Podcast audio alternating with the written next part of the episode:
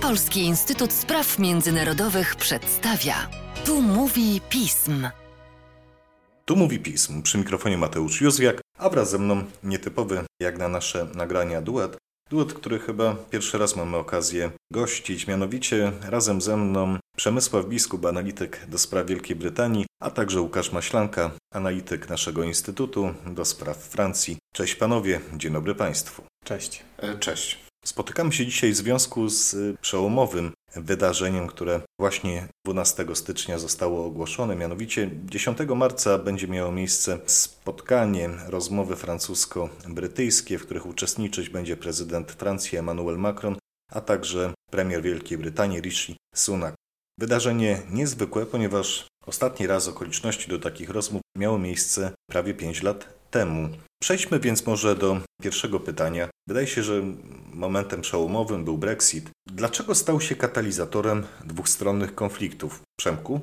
No cóż, y, myślę, że z perspektywy brytyjskiej tutaj właśnie kluczowe było to, to słowo, które już wymieniłeś, czyli Brexit. Proces wypracowywania wewnętrznego mm, brytyjskiego porozumienia, co właściwie Brexit ma oznaczać, jak bardzo radykalne cięcie w relacjach z Unią Europejską i jednocześnie powiedziałbym taka narastająco konfliktowa narracja dotycząca roli Francji w tym procesie. Francja systematycznie była opisywana w Wielkiej Brytanii, no nie chcę użyć słowa oskarżana, o bycie jednym z takich największych jastrzębi po stronie unijnej i w związku z tym to potęgowało napięcia. A oprócz tego oczywiście dochodzą zupełnie realne, jakoś tam wymierne różnice interesów. Tu warto wspomnieć o tym, że e, Francja obok Holandii miała chyba największy apetyt na przejęcie pewnych aktywów e, z gospodarki brytyjskiej po Brexicie, zwłaszcza w zakresie usług finansowych. Obie gospodarki mają zbliżony profil, a więc często konkurują o podobnych inwestorów, o podobny rynek. I tutaj Francja, wydaje mi się, że starała się lewarować swoją pozycją wciąż członka Unii Europejskiej. Z drugiej strony to, to co w narracjach brytyjskich podkreślano, to to, że Francja bo, e, obawia się i Brytyjczycy częściowo e, starali się w ogóle grać na tych, nazwijmy to, obawach, różnego rodzaju procesów deregulacyjnych y, na terenie Wielkiej Brytanii, które by zapewniały samej Wielkiej Brytanii przewagi konkurencyjne. No i wreszcie kwestia, powiedziałbym, tak, takiego wahania, chyba w obu państwach, ale na pewno w Wielkiej Brytanii, co do przyszłości ich współpracy strategicznej, bo one y, w pewien sposób mają unikalną i jednocześnie do siebie zbliżoną pozycję. Oba są jedynymi w Europie Zachodniej mocarstwami atomowymi. Oba mają, nazwijmy to, rozbudowane interesy zamorskie, mają e, rozbudowane zdolności e, projekcji siły poza regionem i często ze sobą właśnie współpracują przy okazji różnych misji, e, na przykład francuskiej misji w Czadzie, ale z drugiej strony no, są też konkurentami. Mają podobnie ulokowane za zainteresowania docelowo, na przykład i gospodarcze, i geopolityczne na, na obszarze Indo-Pacyfiku, czego symbolem stało się jeśli tak mogę powiedzieć, wypchnięcie przez Wielką Brytanię, czy podkupienie przez Wielką Brytanię kontraktu na łodzie podwodne dla australijskiej marynarki wojennej, który to kontrakt wcześniej był zawarty z Francją i to, to się stało w ramach takiego trójstronnego porozumienia brytyjsko-amerykańsko-australijskiego o nazwie AUKUS. Tak, w aspekcie AUKUS mieliśmy już okazję rozmawiać przy okazji zeszłorocznego podcastu, bodajże z Mateuszem Piotrowskim. Odsyłam naszych słuchaczy do archiwum i zachęcam do zapoznania się z tym materiałem. Niemniej przejdźmy jednak do perspektywy francuskiej. No dla Francji Brexit był przede wszystkim wielką komplikacją. Uczestnictwo w Unii Europejskiej Wielkiej Brytanii dla Francji było takim, taką ekonomią tego, że to państwo będzie myślało w kategoriach europejskich, będzie się w jakiś sposób też wpisywało w te francuskie plany stopniowego uniezależniania Europy, Unii Europejskiej od Stanów Zjednoczonych w każdym wymiarze, w wymiarze strategicznym, w wymiarze gospodarczym. Więc to, co szczególnie zostało źle odebrane we Francji, to to, iż no, Brexit, zwłaszcza już po dojściu do, do władzy premiera Johnsona, był postrzegany przez Brytyjczyków jako taka okazja uniezależnienia się od Unii Europejskiej i myślenia przez elity brytyjskie w kategoriach globalnych. Francja oczywiście odebrała to jako zagrożenie dla, dla swojej pozycji i dla tych swoich planów budowy mocarstwa europejskiego, czyli Europy jako potęgi, która widzi swoją pozycję niezależnie od e, Stanów Zjednoczonych, ale także wobec rosnącej konkurencji z Chinami i zagrożenia ze strony Rosji. No Wielka Brytania była tutaj z tych powodów, o których wspomniał przed chwilą Przemek, e, bardzo ważnym partnerem dla Francji. Oprócz tego e, no, powiązanie międzyludzkie. Kilkaset tysięcy Brytyjczyków mieszka na stałe we Francji i vice versa. Te powiązania są bardzo ścisłe, ponieważ te państwa ze sobą po prostu sąsiadują. I y, Brexit spowodował bardzo wiele komplikacji. Oprócz tego no, doprowadził również do dodzenia sporów gospodarczych, które musiały być negocjowane w trakcie dyskusji nad tym, jak ten rozwód między Francją a Wielką Brytanią powinien wyglądać. No, Francuzi odbierali także pozycję negocjacyjną Wielkiej Brytanii jako nieprzewidywalną. To było także związane z tym, że na przestrzeni tych negocjacji zmieniło się trzech premierów. Najpierw był David Cameron, który nie był zwolennikiem Brexitu, ale który doprowadził do niego swoimi decyzjami politycznymi. Potem była Theresa May, która również nie była zwolenniczką Brexitu i miała taką wizję relacji unijno-brytyjskich, które pomimo Brexitu powinny pozostać bliskie, no i potem dopiero przyszedł Boris Johnson, który był zwolennikiem takiego twardego rozwodu między Wielką Brytanią a Unią Europejską, która to pozycja bardzo rozwścieczyła Francuzów i skłoniła ich do tego, by zajmować taką właśnie jastrzębią pozycję e, w stosunku do Wielkiej Brytanii. E, no, oprócz e, tej goryczy związanej z Brexitem, jednak no, wśród Francuzów panowało także pewne przekonanie, że bez Wielkiej Brytanii będzie łatwiej, to znaczy w Unii Europejskiej będzie łatwiej przeforsować pewne pomysły dotyczące na przykład integracji socjalnej, współpracy pomiędzy przemysłami największych państw członkowskich, że łatwiej będzie również wpływać na Niemcy, no, że Unia Europejska bez Wielkiej Brytanii stanie się trochę bardziej francuska, czyli bardziej interwencjonistyczna, bardziej protekcjonistyczna i z większym zrozumieniem odnosząca się do potrzeby wspierania tych państw, które mają hojny system socjalny. Wydaje mi się, że po takim okresie, o którym też wspominał Łukasz przed chwilą, tego daleko idącego zamieszania, mamy do czynienia z, wreszcie z taką fazą, powiedziałbym, wyciszenia, konsolidacji pozycji brytyjskich. I w tym kontekście Wielka Brytania, moim zdaniem, e, stara się zająć taką pozycję, po pierwsze, jednak ciągle najbliższego sojusznika amerykańskiego e, w Europie, co jest szczególnie ważne w kontekście wojny w Ukrainie.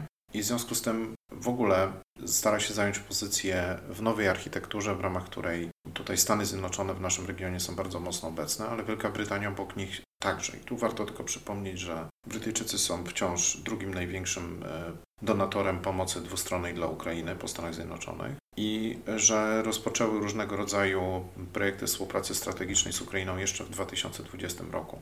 To oczywiście idzie w poprzek tradycyjnych ambicji francuskich budowania autonomii europejskiej. Druga kwestia, która się z tym wiąże, to, są, to jest utrzymanie y, i rozbudowa potencjału wojskowego. I tutaj wydaje się, że znowu dojdzie do pewnego rodzaju zderzenia interesów francuskich i brytyjskich. Y, Brytyjczycy na przykład bardzo skutecznie, y, można powiedzieć, w tej fazie wstępnej rozwijają swój program budowy myślistwa szóstej generacji. Ich początkowym partnerem były Włochy w tym zakresie, ale niedawno podpisały też umowę i to jest umowa, która czyni cały ten projekt już ostatecznie dosyć wiarygodnym gospodarczo z Japonią.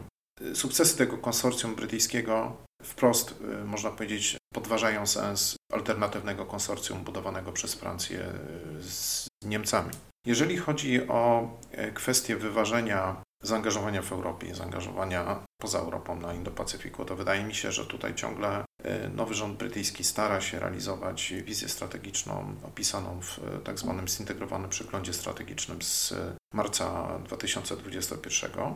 E, narracja wokół tego jest utrzymywana jako mniej antagonistyczna niż to było w czasach Johnsona. W czasach Johnsona bardzo wyraźnie akcentowano, że ten zwrot ku Pacyfikowi to tak naprawdę ostatecznie w niemałym stopniu jest odwrót, odwrót od Europy, zwłaszcza Europy Zachodniej. W tej chwili natomiast, y, no, można powiedzieć, skala zaangażowania brytyjskiego na Ukrainie, ten, ten, jakby te obawy bardzo obniżyła, że to jest od, odwrót od Europy, ale jednocześnie niedawno zawarte porozumienie brytyjsko-japońskie pokazuje, że tutaj Brytyjczycy ciągle mają y, daleko idące ambicje. I ogólnie rzecz biorąc, gdybyśmy się zastanowili nad tym, co wynika długofalowo i strukturalnie z y, obu umów brexitowych pod względem gospodarczym, to trzeba powiedzieć, że Gospodarka brytyjska docelowo będzie podlegała procesowi decouplingu od y, Unii Europejskiej, bo to jest w zasadzie jedyny sposób na to, żeby ona osiągnęła docelowo jakiś rodzaj wartości dodanej w stosunku do czasów y, członkostwa w Unii Europejskiej.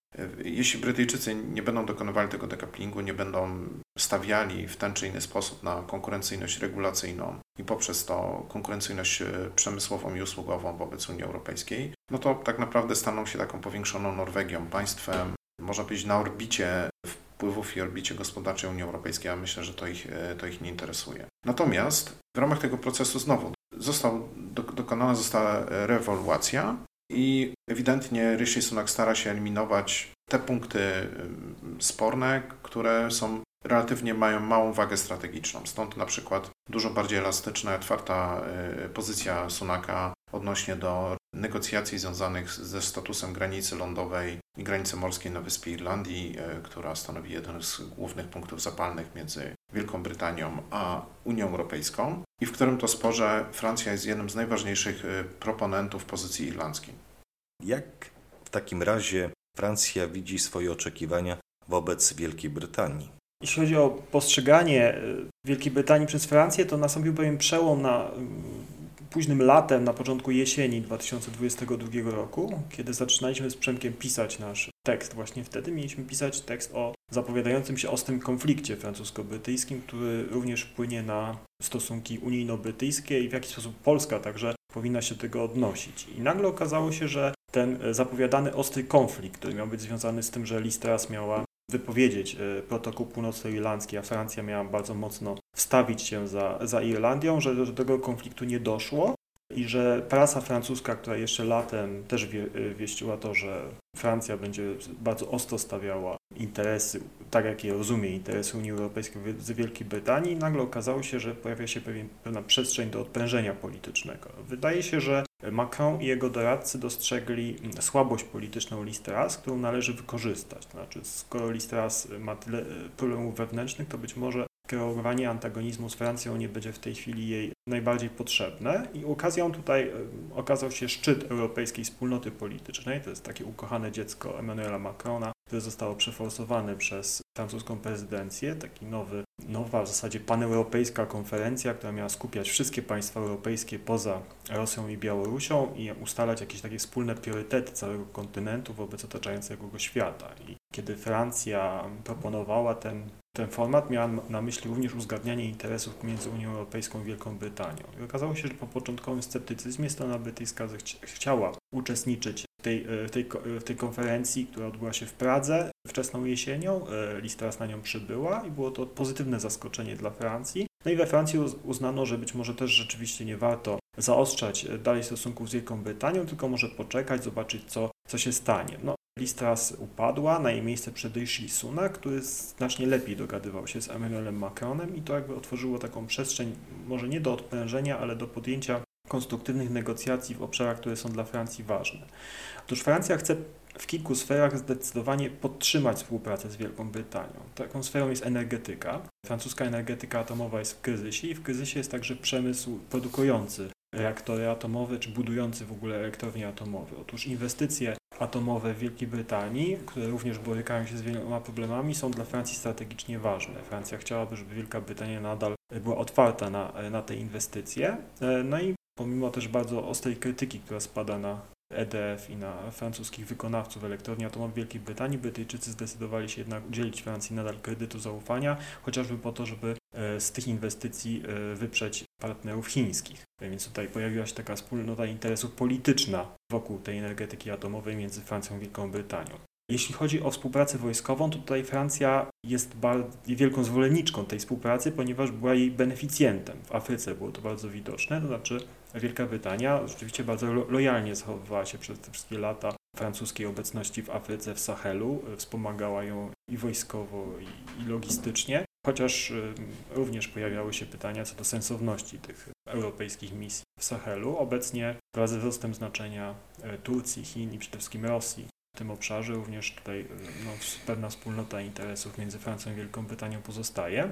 No, Francja również bardzo, bardzo źle przyjęła zawarcie sojuszu AUKUS bez jej udziału i e, wypchnięcie jej z kontraktu na okręty podwodne z Australią i stało się to w takim bardzo nieszczęśliwym momencie, kiedy Macron zastanawiał się, jak włączyć Wielką Brytanię i Stany Zjednoczone do takiej wspólnej polityki wobec Indo-Pacyfiku.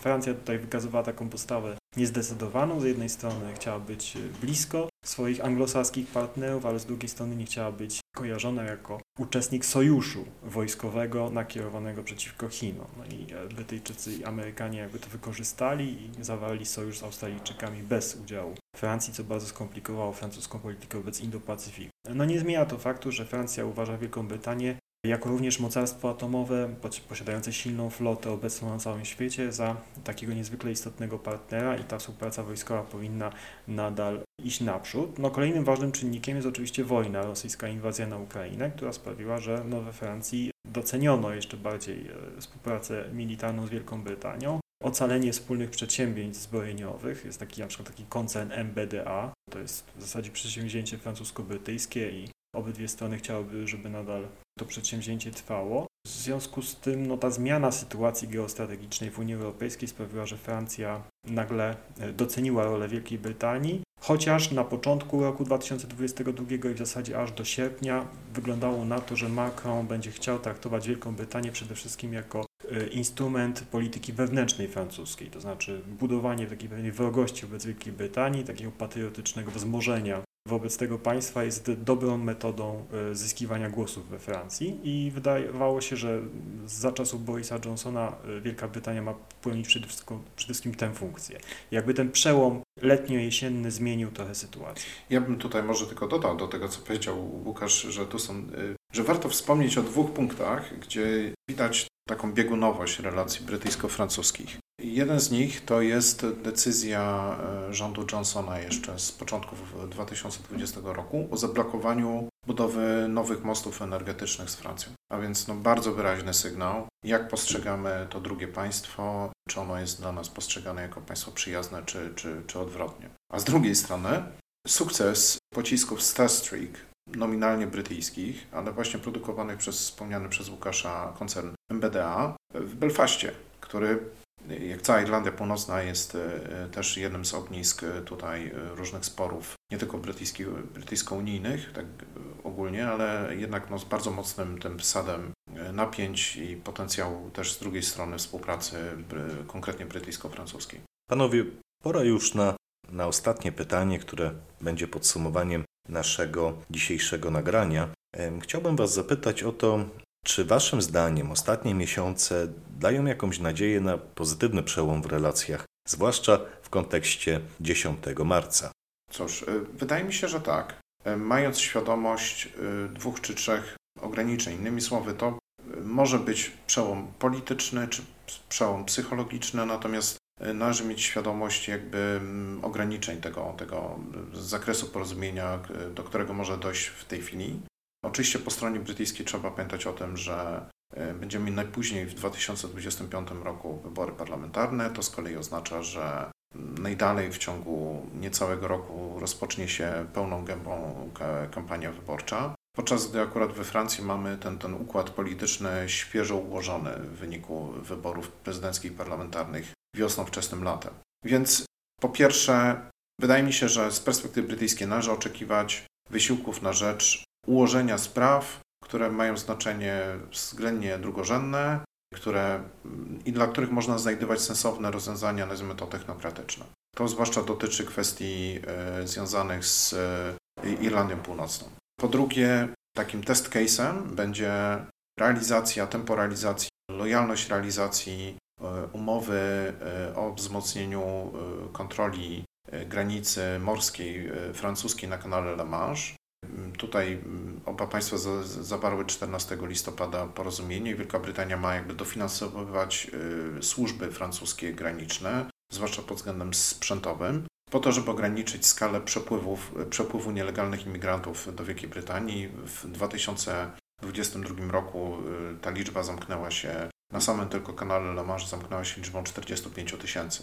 I to jest niezwykle jakby y, zapalna kwestia w polityce wewnętrznej brytyjskiej i ona ma zdolność, jeśli zostanie pozytywnie rozwiązana, budować relacje francusko-brytyjskie, ale też jeśli nie zostanie rozwiązana pozytywnie, to, to wręcz przeciwnie, no, powiedziałbym je na, na, naprawdę mocno niszczyć. No i wreszcie tutaj wydaje mi się, że będziemy czekać na e, jeszcze trochę na, na takie bardziej obiektywne wskaźniki, ale pytanie, jak się ułoży współpraca brytyjsko-francuska, gospodarcza, po Brexicie na razie ten, ten obraz był jeszcze trochę taki zachwiany y, też efektem pandemii, później szokiem cenowym związanym z, z, z energią, ale wydaje się, że tutaj te wskaźniki powoli wracają do normy i Brexit y, na, na pewno ma swoją cenę, ale nie jest też jakimś nie wiadomo jakim kataklizmem, a skala przedbrexitowych powiązań strukturalnych między obu gospodarkami jednak była bardzo duża i to moim zdaniem ten czynnik powinien dojść w końcu ponownie do, do głosu i spowodować, że oba, oba państwa zaczną ponownie myśleć o sobie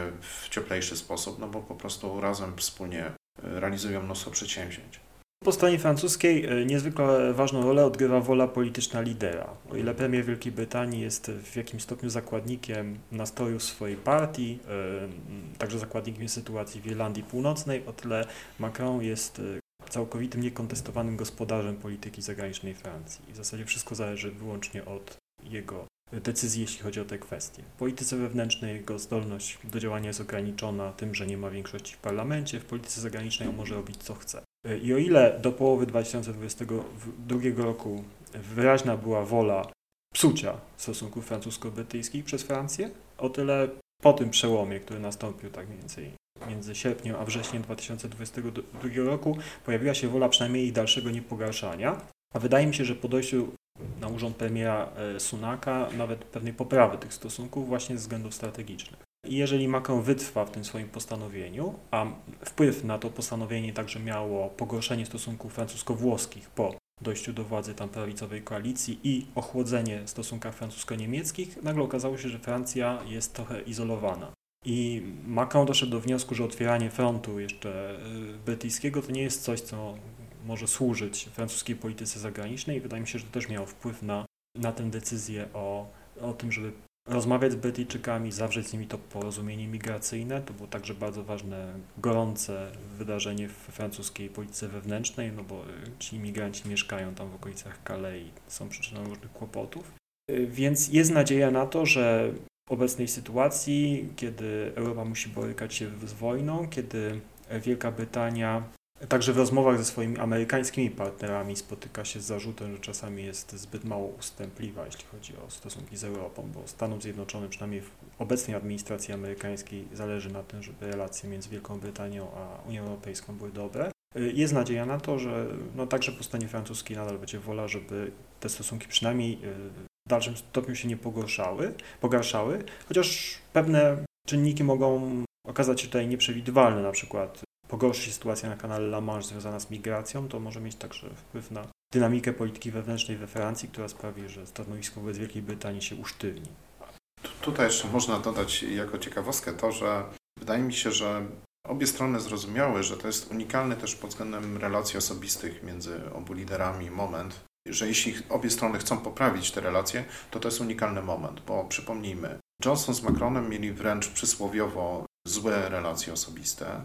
Tam padały takie w, w, prasie, wyciekały do prasy w obu państwach określenia typu clown, pajac, etc. Mógłbym gorsze rzeczy cytować.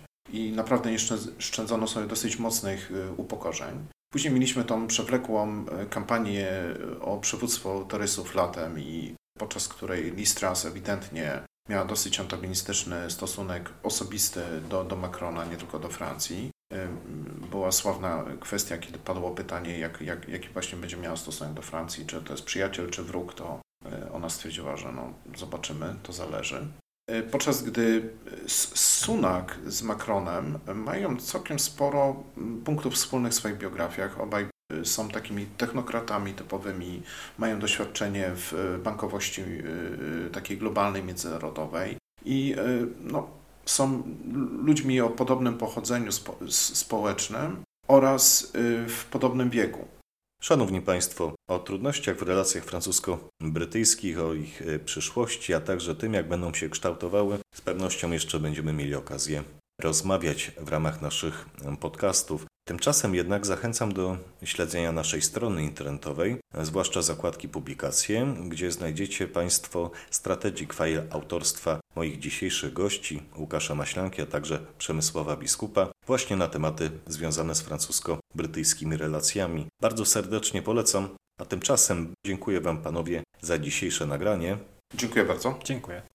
Państwa tradycyjnie zachęcam do śledzenia naszych mediów społecznościowych, słuchania dalszych nagrań Tu Mówi Pism, a także zapoznania się z ciągle rosnącą ofertą na naszym kanale YouTube'owym. Dziękuję za uwagę i do usłyszenia.